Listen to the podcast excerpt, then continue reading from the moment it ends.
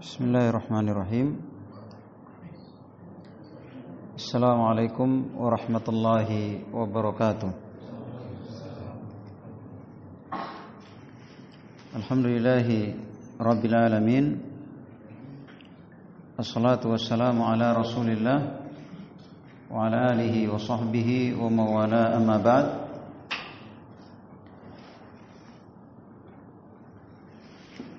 kaum muslimin dan muslimat jamaah maghrib rahimani wa rahimakumullah. Pada malam hari ini pertama-tama kita mengucapkan rasa syukur kepada Allah Subhanahu wa taala atas segala nikmat dan karunia-Nya kepada kita semua.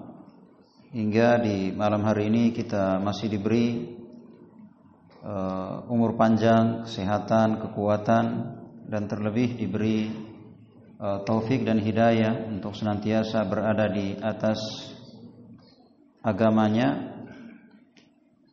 Dan di malam hari ini insyaallah taala kita akan mengkaji uh, kitab yang membahas tentang masalah akidah. Ya masalah akidah yang kita kenal dengan pembahasan tauhid. Karena ilmu tauhid ya merupakan ilmu yang paling mulia dan ilmu yang paling suci. Ilmu tauhid merupakan landasan agama dan merupakan puncak dari agama.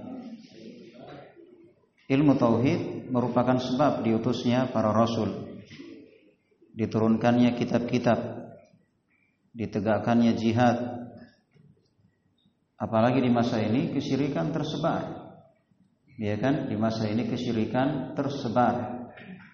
Hampir di setiap uh, daerah atau desa ada tempat-tempat yang dikeramatkan ada keyakinan-keyakinan yang merupakan kesyirikan maka tentunya sebagai seorang muslim yang paham akan tauhid punya kecemburuan.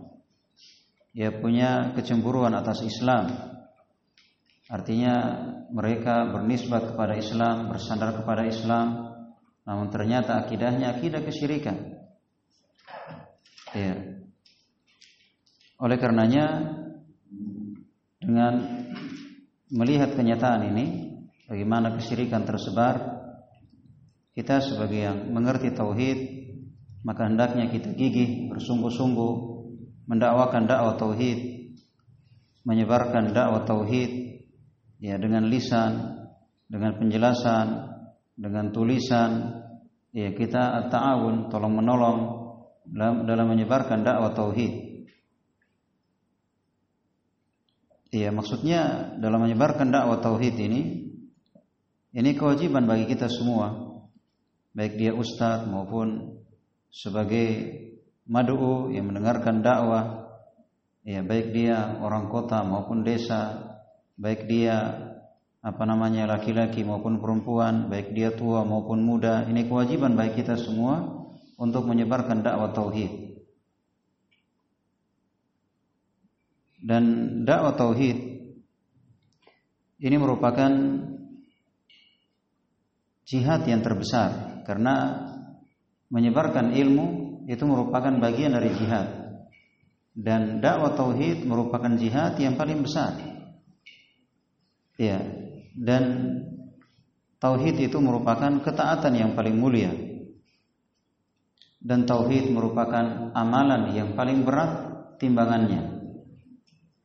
Dan kitab ini berjudul Al-Qaulul Mufid fi Adillati At-Tauhid karya Syekh Muhammad Ibn Abdul Wahab Al-Usabi Al-Yamani rahimahullahu taala. Ya beliau belajar di Saudi Arabia, belajar di Ma'had Haram Mekah. Ya, kemudian juga beliau merupakan murid dari Syekh Mukbil rahimahullahu taala beliau belajar ya sekitar empat tahun kepada Syekh Mukbil dan banyak pujian ulama terhadap beliau baik itu Syekh Mukbil sendiri Syekh Robi Syekh Muhammad Al-Imam dan para ulama yang lainnya pujian terhadap beliau. Iya. Uh, Syekh Mukbil rahimahullah itu menyebutkan uh, pujian terhadap beliau padahal beliau ini merupakan murid muridnya maksudnya di antara murid-muridnya disebutkan dalam kitab Muqaddimah Idahid Dalalah kata Syekh Mukbil rahimahullahu taala Syekh Muhammad uh, Ibn Abil Wahab Al-Usawi rahimahullah huwa al-fadil الفاضل محمد بن أبي الوهاب شيخ التوحيد والحديث والفقه والأخلاق الفاضلة والزاهد الورع وهو المربي الرحيم وهو الداعي إلى جمع كلمة المسلمين آه، المحذر من الحزبية وهو الصبور على الفقر والشدائد وهو الحكيم في الدعوة يحب السلف الأمة ويبغض المبتدئ كلا بقدر بداته كتب ليو الشيخ محمد ابن عبد الوهاب الوصابي beliau merupakan seorang syekh tauhid. Beliau merupakan guru dalam tauhid dalam hadis dalam fikih dalam akhlak yang mulia seorang yang zuhud. Ya seorang yang pendidik, yang penyayang, ya dai yang mengajak kepada persatuan dan mengingatkan dari hizbiyah kelompok-kelompok. Beliau seorang dai yang sabar ya terhadap kefakiran, terhadap tantangan dalam dakwah Ya, beliau seorang yang bijaksana dalam berdakwah. Beliau mencintai as-salaf dan membenci ahlul bidah sesuai dengan kadarnya, tingkatan bid'ahnya. Ini pujian dari Syekh Mukbil rahimahullah dan banyak pujian beliau dan pujian ulama yang lain terhadap uh, Syekh Muhammad Ibn Abil Wahab Al-Wusabi uh, rahimahullahu taala.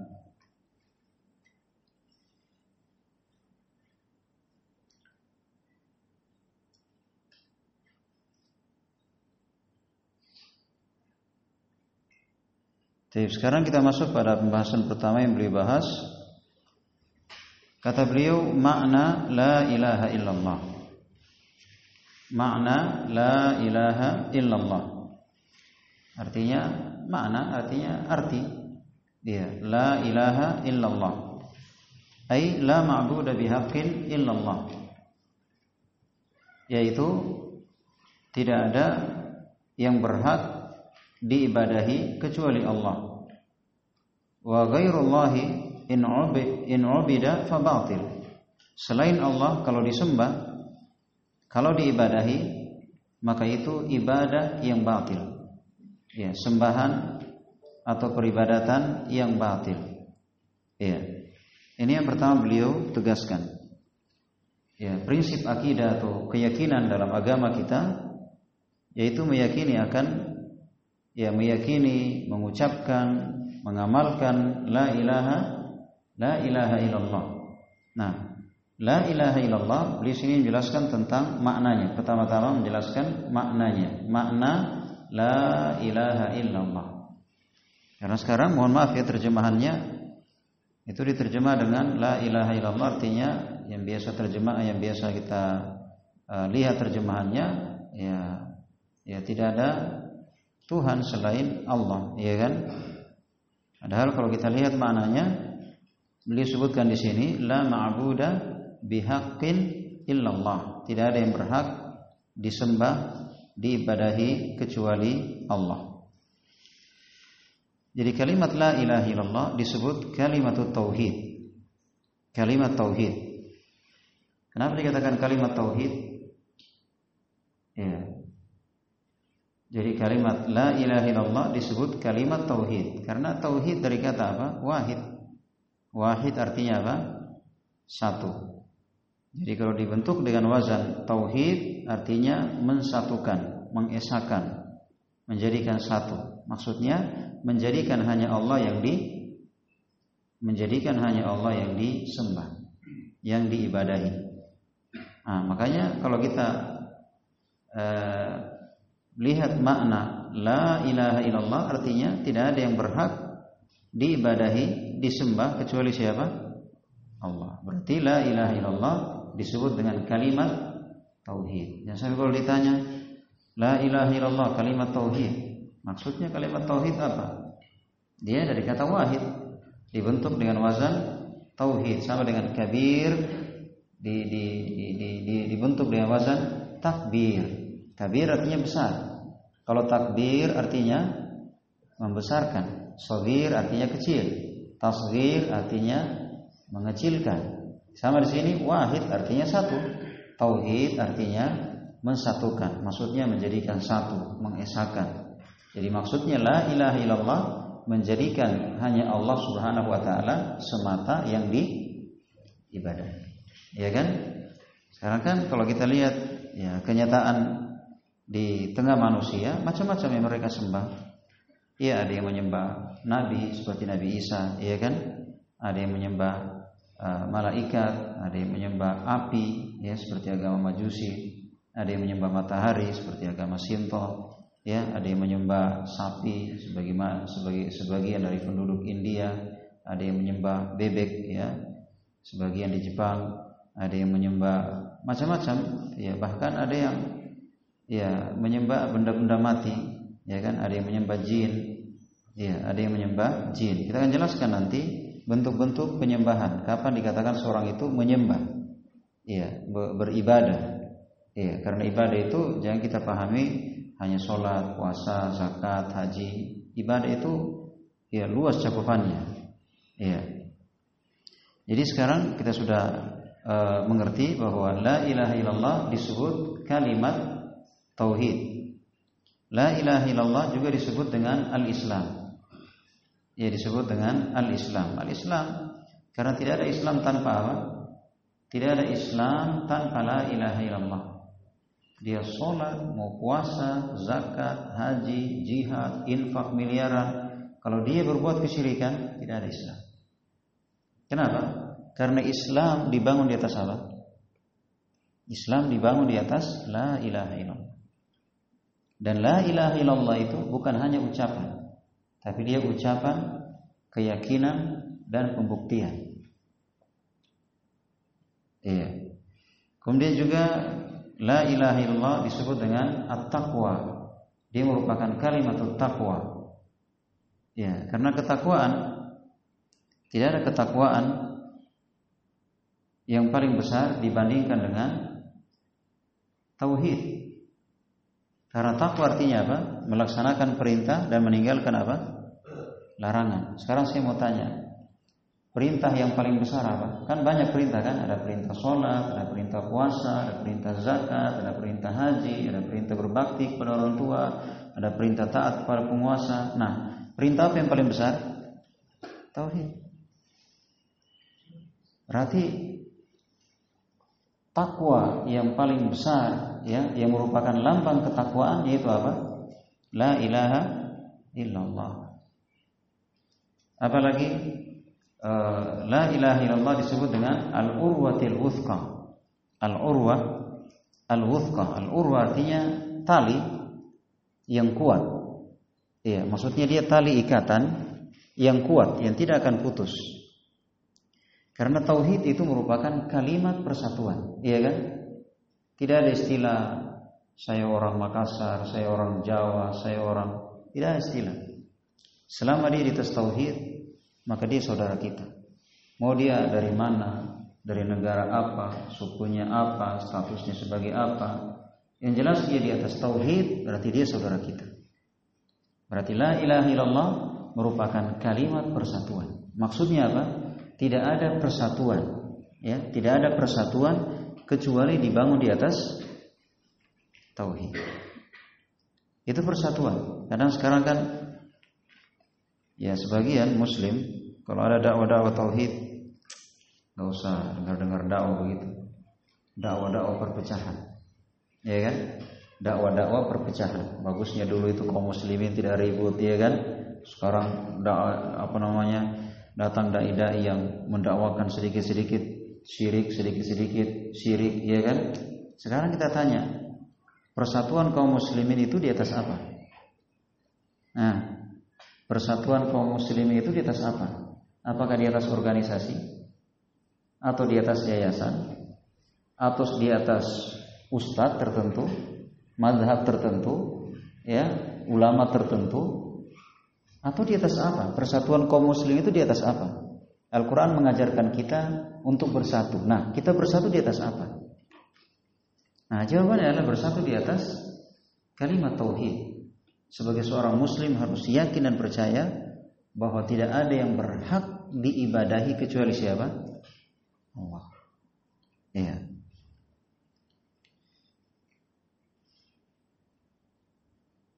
Bahkan kalimat tauhid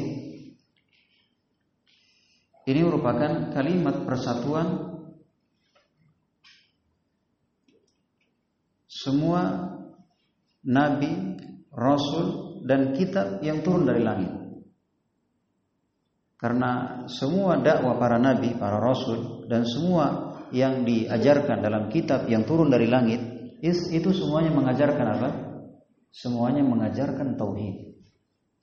Mungkin cara sholatnya beda, ya kan? cara puasanya beda, ya, cara tobatnya beda, cara toharonya beda, tempat ibadahnya beda. Tapi akidahnya apa?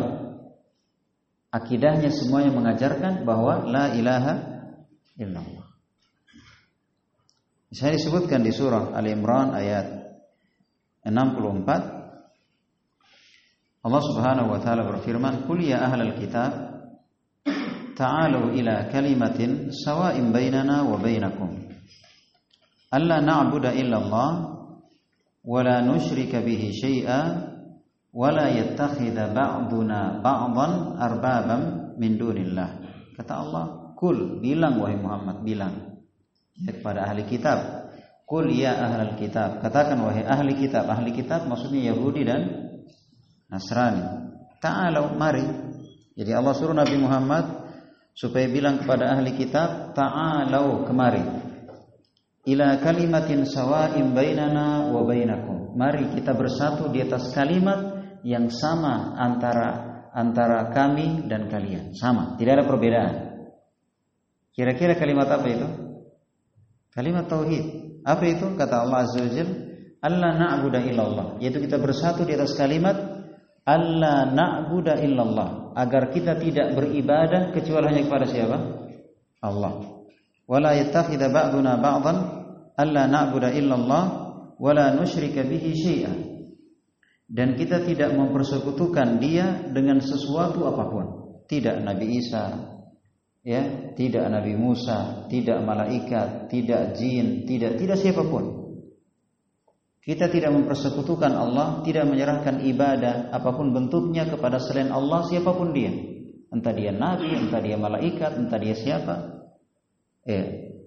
Wala yattakhidha ba'duna ba'dhan arbaba min dunillah.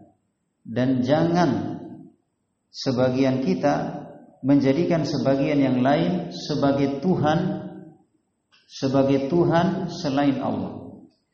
Di antara menjadikan selain Allah sebagai Tuhan yaitu uh, menghalalkan apa yang Allah haramkan dan mengharamkan apa yang Allah halalkan karena perkataan ya apa namanya karena perkataan. Kalau orang-orang Yahudi karena e, perkataan eh, pendeta-pendeta mereka ya orang-orang Yahudi dan Nasrani karena perkataan eh, pendeta-pendeta mereka. Sehingga mereka yang penting apa yang dibilang oleh pendetanya ah, sudah itu yang yang yang benar. Apa pun yang e, diucapkan, disampaikan, diajarkan, ya, padahal Allah Subhanahu wa taala haramkan, ya, tapi karena pendetanya bilang halal, maka mereka bilang itu hukumnya halal. Ya, saya misalnya mempertuhankan mempertuhankan Nabi Isa alaihi salam itu kan Nabi Isa alaihi salam tidak mengajarkan demikian. Tapi karena pendetanya mengajarkan ya mempertuhankan Isa dengan mengatasnamakan Tuhan Yesus, ya kan? Nah ini kan tidak ada dasarnya sama sekali. Sampai dalam Injil bahkan Nabi Isa alaihi salam sama sekali tidak mengajarkan demikian. Tapi tetap mereka mengikuti apa? Tetap mereka mengikuti eh, apa namanya? Tetap mereka mengikuti eh, pendetanya ini. Ini maksudnya menghalalkan apa yang Allah haramkan. Iya. Sebaliknya mengharamkan apa yang Allah halalkan. Maka ini menjadikan di antara mana menjadikan tandingan selain Allah. Sama sekarang di tengah kaum muslimin sudah jelas ayatnya ya. Sudah jelas hadisnya akan wajibnya tauhid, akan e, pentingnya tauhid, akan haramnya syirik, tapi tetap lebih memilih apa? Pilih tauhid apa pilih syirik? Pilih syirik, iya kan? Kebanyakan kaum muslimin. Apa dalilnya? Siapa yang mereka ikuti? Pasti ada yang mereka ikuti. Sekarang dia dia dia ikut siapa ya? Dia ikut Allah, dia ikut Rasul atau dia ikut gurunya? Dia ikut panutannya. Berarti dia menjadikan tandingan tandingan guru-gurunya itu dia menjadikan tandingan selain siapa? Tandingan bagi siapa? Bagi Allah Subhanahu wa taala. Allah haramkan, mereka bilang, "Oh, guru saya bilang halal." Guru saya bilang tidak masalah. Nenek saya bilang nggak ada masalah. Nenek moyang saya bilang nggak ada masalah. Ini kan menjadikan tandingan dengan Allah Subhanahu wa taala. Jadi di ayat ini Allah Subhanahu wa taala e, memerintah Nabi Muhammad sallallahu alaihi wasallam untuk mengajak ahli kitab bersatu di atas kalimat la ilaha illallah. Di ayat lain di surah Al-Baqarah ayat 256. Kata Allah, la ikraha fid din. La ikraha fid din. Tidak ada paksaan dalam agama. Nah, sekarang kenapa Islam ini? Kenapa la ilaha illallah ini nggak boleh main paksa? Karena sekarang saya mau tanya, ada nggak yang ragu atau kurang jelas samar atau dipaksakan gitu tentang tidak ada yang berhak diibadahi, disembah selain Allah. Ada nggak yang ragu? Kira-kira di antara kaum muslimin baik yang sudah belajar maupun yang masih awam, dia ragu bahwa bahwa Allah itu sembahan yang hak? Dia ragu?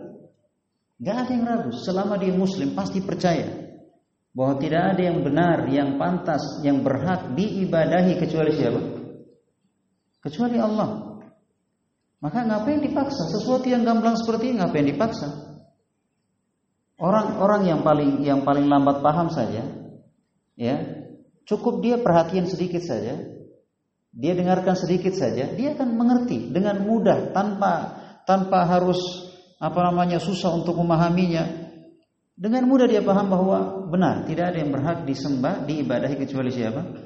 Allah. Sesuatu yang gamblang ini, sesuatu yang jelas ini sesuatu yang mudah ini ngapain dipaksa? Ngapain dipaksa sudah jelas, gamblang, ya mudah.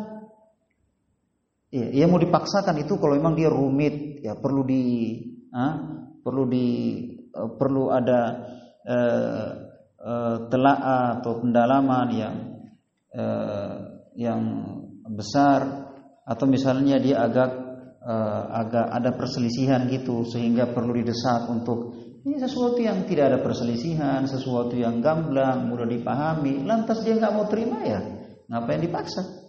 Makanya kata Allah Subhanahu wa taala, "Qad tabayyana ar-rusydu minal ghayy." Kenapa nggak dipaksa? La ikraha fid. Tidak ada paksaan dalam agama ini karena telah julu, telah jelas ar-rusydu petunjuk minal ghayy dari penyimpangan. Jelas mana tauhid, mana syirik. Jelas mana sembahan yang hak dan mana sembahan yang yang batil. Sembahan yang hak cuma satu Allah Azza wa Jalla. Selainnya batil, siapa pun dia. Apa pun jenisnya. Mau dia malaikat, mau dia nabi, mau dia rasul, mau dia siapa pun yang namanya ibadah, yang namanya sembahan tidak ada yang pantas disembah, diibadai kecuali siapa? Allah. Selesai. Telah jelas petunjuk dari penyimpangan. Eh. Faman yakfur wa yu'min billah Kata Allah Azza wa siapa yang kufur terhadap tauhid. Tauhid artinya semua yang diibadahi selain Allah itu namanya tauhid. Kalau dia ridho ya, Nabi Isa disembah tapi dia nggak ridho. Nabi Isa dia nggak ridho dia. Itu perbuatan kesalahan umatnya mempertuhankan Nabi Isa, iya kan? Iya, tapi Nabi Isa nggak ridho dengan perbuatan itu. Iya, tapi kalau tauhid itu semua yang disembah selain Allah dan dia ridho. Itu namanya tagut. Kata Allah Azza wa Jal, "Faman yakfur bit-tagut?" Siapa yang kufur terhadap tagut, wa yu'min dan beriman kepada Allah, ya, maksudnya percaya bahwa hanya Allah Subhanahu wa taala saja yang berhak diibadahi. Faqad istamsaka bil urwatil wuthqa maka dia telah berpegang dengan al urwatil wuthqa. Apa tadi al urwatil wuthqa? La ilaha illallah lam lam fisama yang tidak akan putus karena la ilaha illallah merupakan tali ikatan yang kuat yang tidak akan putus. Ya, seorang kalau sudah yakin bahwa la ilaha illallah tidak ada yang berhak diibadahi kecuali Allah, dia tidak akan ragu, dia tidak akan ragu siapa pun dia, entah dia nabi, entah dia rasul, entah dia malaikat, dia tidak akan ragu bahwa tidak ada yang berhak, yang benar, yang pantas diibadahi kecuali siapa? Siapa pun yang bilang, profesor doktor ini bilang bahwa boleh menyembah dia tidak akan ragu. Ketika dia sudah sampai pada keyakinan bahwa la ilaha illallah, tidak ada yang berhak diibadahi kecuali Allah. Iya. Makanya orang kalau sudah paham la ilaha illallah berarti yang lain gampang. Karena ini sudah puncak keyakinan. Kalau dia mampu meyakini bahwa tidak ada yang berhak diibadahi kecuali Allah, yang lain mudah. Tapi kalau misalnya dia diajak sholat, diajak puasa, zakat, haji, sedekah, umroh, ya kan? Nah, anggaplah dia terima sholat, puasa, zakat, haji, ya jihad misalnya. Tapi itu belum tentu dia bisa terima apa? Belum tentu dia bisa terima la ilaha illallah. Tapi kalau dia sudah terima la ilaha illallah, dia yakin bahwasanya tidak ada yang berhak diibadahi, disembah kecuali Allah, maka yang lain mudah. Makanya kenapa? Itu dosa yang paling berat ditinggalkan, syirik kan? Di tengah kaum muslimin itu dosa yang paling berat diberantas ya. Dosa yang paling berat diterima untuk dijelaskan itu kesyirikan. Orang kalau menjelaskan tentang orang yang tidak sholat bahayanya nggak ada yang marah. Semua akui, oh ya tahu saya tidak sholat ini. Tapi kalau dijelaskan sirik, ah, dijelaskan sirik, ah, wahabi itu jangan dengar-dengar itu wahabi. Dia nggak terima. Makanya ketika dia dia terima dia terima dakwah ini, maka ini merupakan dia telah berada di atas sesuatu yang jelas, di atas tali ikatan yang kuat yang tidak akan putus. Dia tidak akan goyah mau penjelasan siapa pun, bergelar apa pun, ya, ketika dia telah sampai pada keyakinan tidak ada yang berhak disembah kecuali Allah, maka itu merupakan al-urwatil wuthqa, tali ikatan yang kuat yang tidak akan putus lam fi Ya. Wallahu samiun alim. Dan Allah Maha mendengar lagi Maha mengetahui. Maksudnya Maha mendengar lagi Maha mengetahui. Artinya Allah mendengar, Allah mengetahui yang ikut dan yang tidak ya, yang terpaksa dan yang tulus. Apa yang dipaksa? Sudah jelas tauhid, jelas syirik, jelas mana Quran, Sunnah, pemahaman sahabat, mana yang bukan. Ya, jelas mana sembahan yang hak, mana sembahan yang batil. Apa yang dipaksa? Allah Maha tahu, Allah Maha mendengar. Ya, Allah Maha tahu, Allah Maha tahu dan Allah Maha mendengar. Ya. Di surah Al-Fath ayat 26 Allah Subhanahu wa taala berfirman wa alzamahum kalimat taqwa wa kanu ahaqqa biha wa ahlaha. Ya. Wa alzamahum kalimat taqwa. Dan Allah Subhanahu wa taala mengharuskan kepada mereka kalimat taqwa, kalimat takwa. Jadi la ilaha illallah disebut dengan kalimat takwa. Maka tidak ada takwa, tidak ada ketakwaan tanpa apa? tanpa la ilaha illallah. Ini maksud di sini Allah Subhanahu wa taala mengilzam, mengharuskan kalimat takwa kepada mereka, mereka yaitu Rasul dan para sahabat. Di mana orang-orang jahiliyah, orang-orang jahiliyah tidak terima, tidak terima kalimat kalimat takwa, maka Allah Subhanahu wa taala mengilzam, mengharuskan kepada mereka itu Rasul dan yang mengikuti Rasulullah sallallahu alaihi wasallam ya mereka berada di atas kalimat takwa dari sisi keyakinan, ucapan dan amalan. Iya. Wahia awal ma yu'maru bihi man arada ad-dukhula fil Islam qawlan wa i'tiqadan. Dan ini merupakan uh, sesuatu yang paling pertama kali diperintahkan bagi siapa yang memeluk Islam. Secara ucapan maupun keyakinan. Bagi yang mau masuk Islam, kan banyak syariat Islam banyak ya, ada sholat, ya, bagi perempuan ada hijab, ya, banyak sekali dalam syariat Islam. Tapi ketika orang mau masuk Islam, apa yang pertama kali di, di, di, diajarkan kepadanya untuk dia yakini, untuk dia ucapkan, untuk dia amalkan? Apa itu? La ilaha illallah. Ya. Artinya misalnya begini, ada orang kafir masuk Islam, diajak sholat, tapi dia nggak diajarkan la ilaha illallah, tidak ada yang berhak disembah kecuali Allah. Dia juga nggak mengucapkan la ilaha illallah, tidak mengamalkan la ilaha illallah. Apakah dia karena dia sholat menjadi muslim?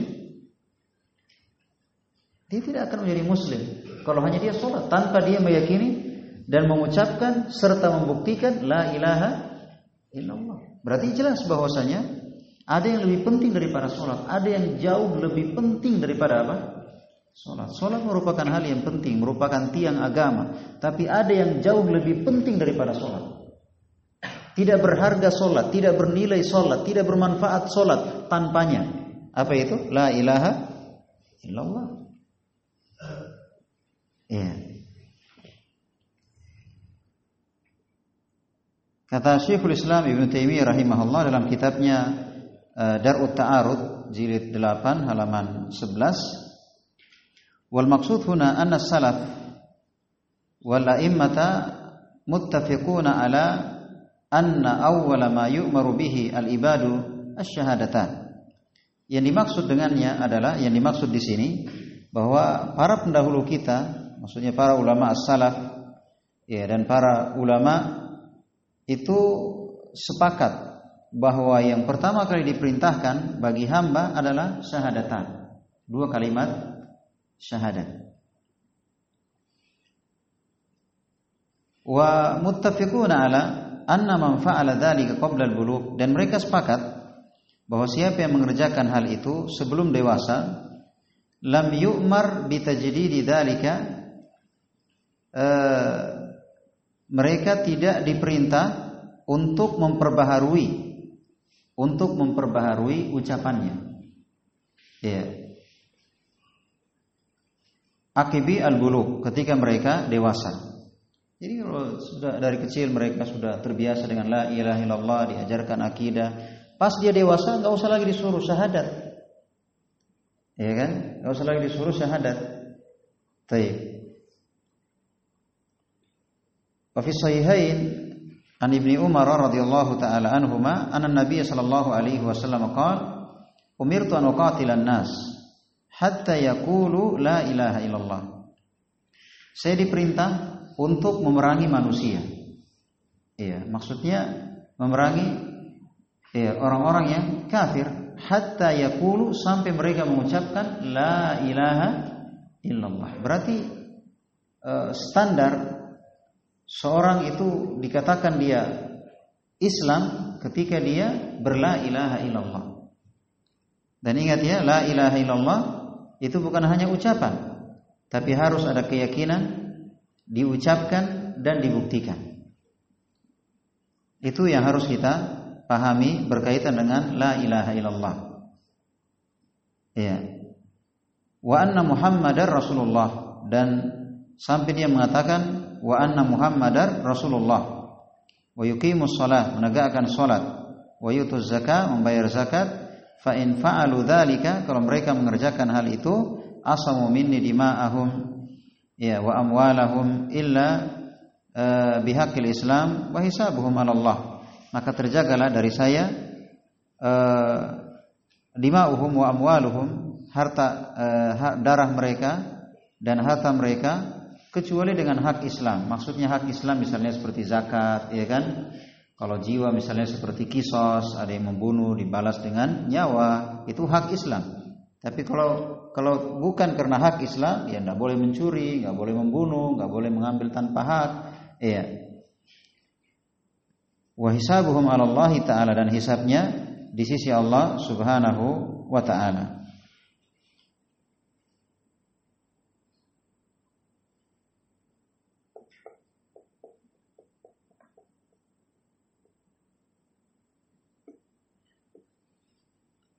Wa ghairullahi in ubida fabatil. Nah, selain Allah kalau disembah maka itu sembahan yang batil. Ini kesimpulan. Jadi kalau selain Allah disembah maka itu batil. Iya. Disebutkan oleh Syekh Shalal Fauzan hafizahullah taala dalam kitabnya Aqidatut Tauhid ya halaman 50 sampai 51. Kata beliau tafsir sahih li hadhihi al-kalimati 'inda salafi wal muhaqqiqin ay yuqal la ma'budu bihaqqin illallah. Tafsir yang benar terhadap kalimat ini, maksudnya kalimat la ilaha illallah dari ulama as-salaf dan para ulama yang uh, terpercaya yaitu dengan mengatakan la ma'budu bihaqqin illallah tidak ada yang berhak diibadahi kecuali Allah. Itu uh, tafsir dari as-salaf dari para ulama yang terpercaya bahwa la ilaha illallah la ma'budu bihaqqin illallah. Ya, famakna syahadatu an la ilaha illallah al-i'tiqad wal iqrar annahu la yastahiqul ibadah illallah wal iltizamu dzalika wal amalu bih. Kata beliau, jadi makna la ilaha illallah itu, makna syahadat la ilaha illallah itu yaitu meyakini, mengakui ya, tentunya terucapkan bahwa tidak ada yang berhak diibadahi kecuali Allah dan uh, iltizamu dzalika melaksanakan konsekuensinya wal amalu bihi dan beramal dengannya. Nah, itu makna syahadat la ilaha illallah. Sekarang kalau di mohon maaf di tengah kaum muslimin itu biasanya la ilaha illallah yang penting ucapkan. Yang penting diucapkan selesai urusan. Kayak nggak ada maknanya, ya nggak ada pengaruhnya, nggak ada pembuktiannya. Yang penting diucapkan sudah.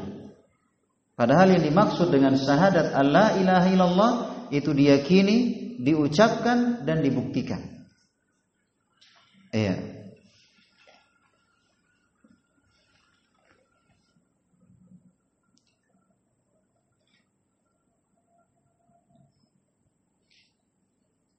Kemudian beliau membawakan ayat uh, Syekh Muhammad Ibn Abdul Wahab Al-Usabi rahimahullahu taala membawakan ayat itu surah Al-Hajj ayat 62.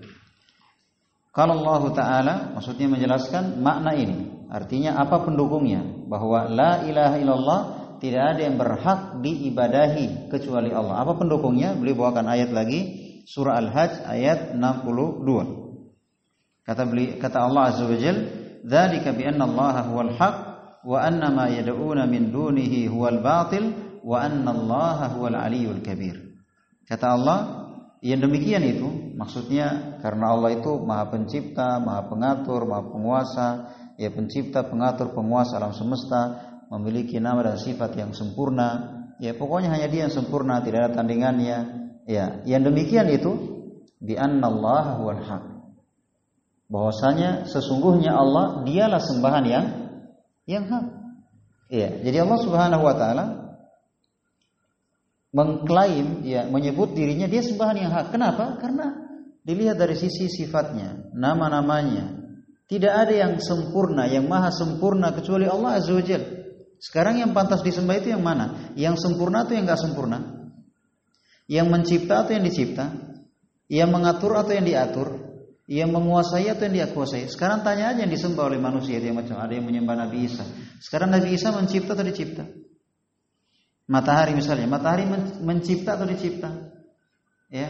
Api misalnya, api itu mencipta atau dicipta? Ya. Jadi Allah Subhanahu wa taala sebutkan sifatnya Kenapa Allah menyebutkan dirinya bahwa dia sembahan yang hak? Karena dia mencipta, dia mengatur, dia menguasai, dia maha sempurna. Yang lainnya itu merupakan ciptaan dia, diatur oleh dia, dikuasai oleh dia. Mana yang pantas disembah? Iya kan? Makanya Allah Subhanahu wa taala berfirman, "Dzalika bi anna Allah wal haq." Yang demikian itu sifatnya seperti itu ah, menunjukkan bahwa dialah Allah yang berhak disembah. Wa anna ma yad'una min dunihi huwal batil dan apa pun yang mereka sembah selain Allah itu merupakan apa? Apa kata Allah? huwal batil itu merupakan batil. Tidak benar. Iya. Wa annallaha huwal aliyyul kabir dan sesungguhnya Allah Maha tinggi lagi Maha besar.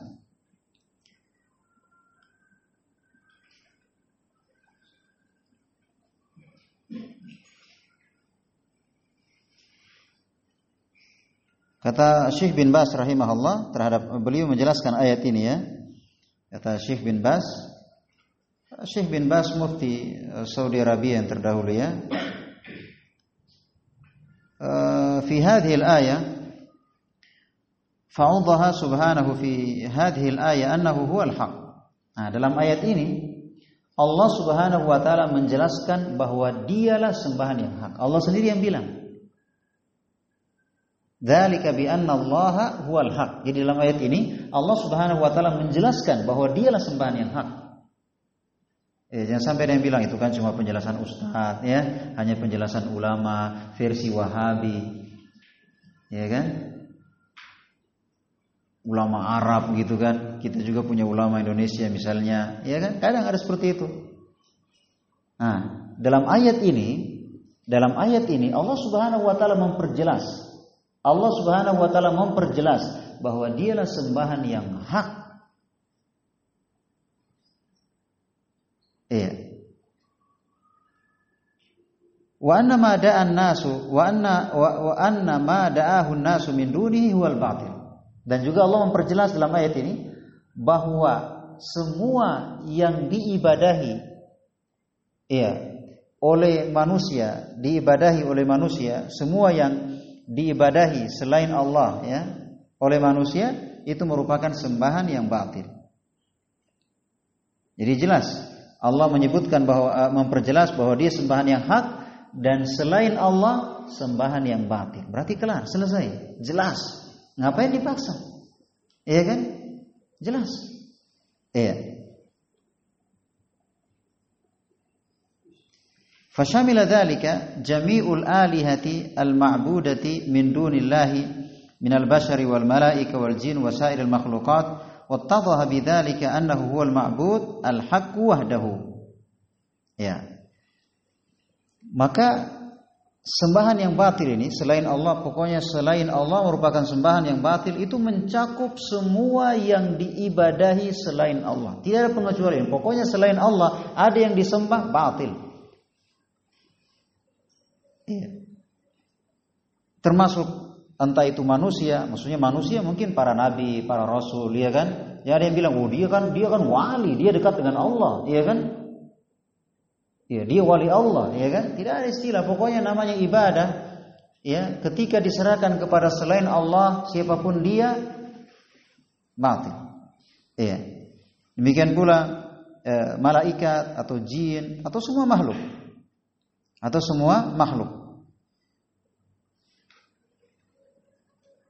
Oleh karena itu, orang-orang musyrikin, orang-orang musyrikin, kata Syekh bin Bas, oleh karena itu orang-orang musyrikin mereka tidak terima kalimat ini, kalimat la ilaha illallah. Ketika Nabi Shallallahu Alaihi Wasallam menyuruh mereka mengucapkan kalimat ini, disebutkan ya, kulu la ilaha illallah. Ucapkanlah kalimat la ilaha illallah. Apa jawaban kaum musyrikin? Itu disebutkan di surah Sad ayat 5. Ini jawaban kaum musyrikin ketika mereka disuruh oleh Nabi untuk mengucapkan kalimat la ilaha illallah. Apa jawaban mereka? Aja'alal alihata ilaha wahida?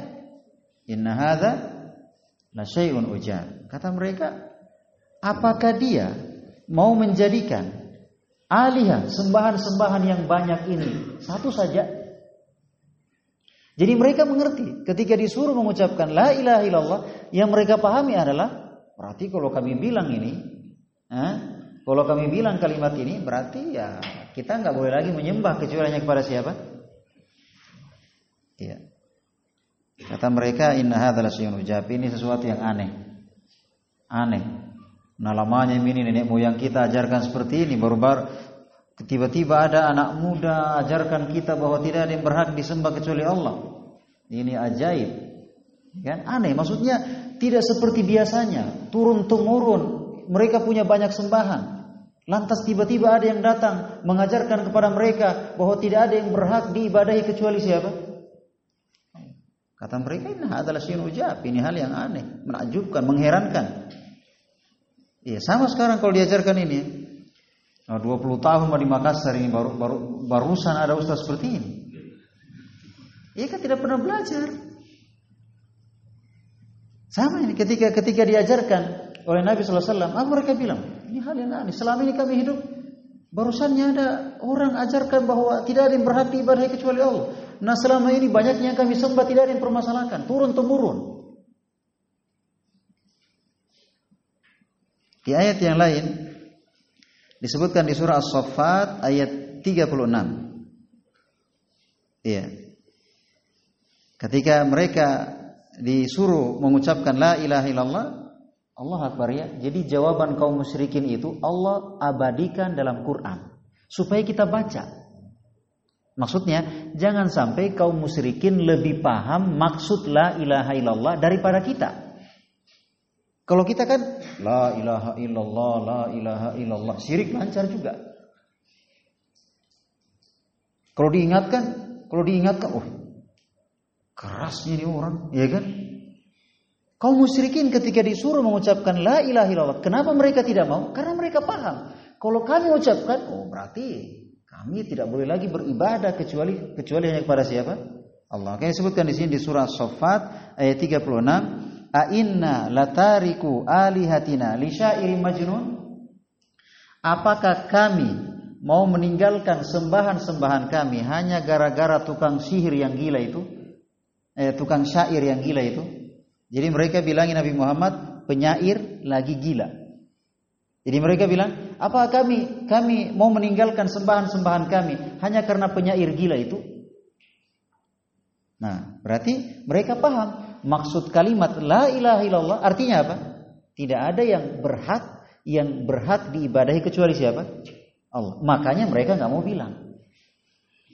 Itu maksudnya. Maka kalau diterjemah dengan tidak ada Tuhan kecuali Allah, Berarti tidak ada pencipta kecuali Allah, tidak ada pengatur kecuali Allah, tidak ada penguasa alam semesta kecuali Allah. Tanya orang kafir. Orang kafir pun paham seperti itu. Ya, baik. Mudah-mudahan apa yang kita dengarkan eh,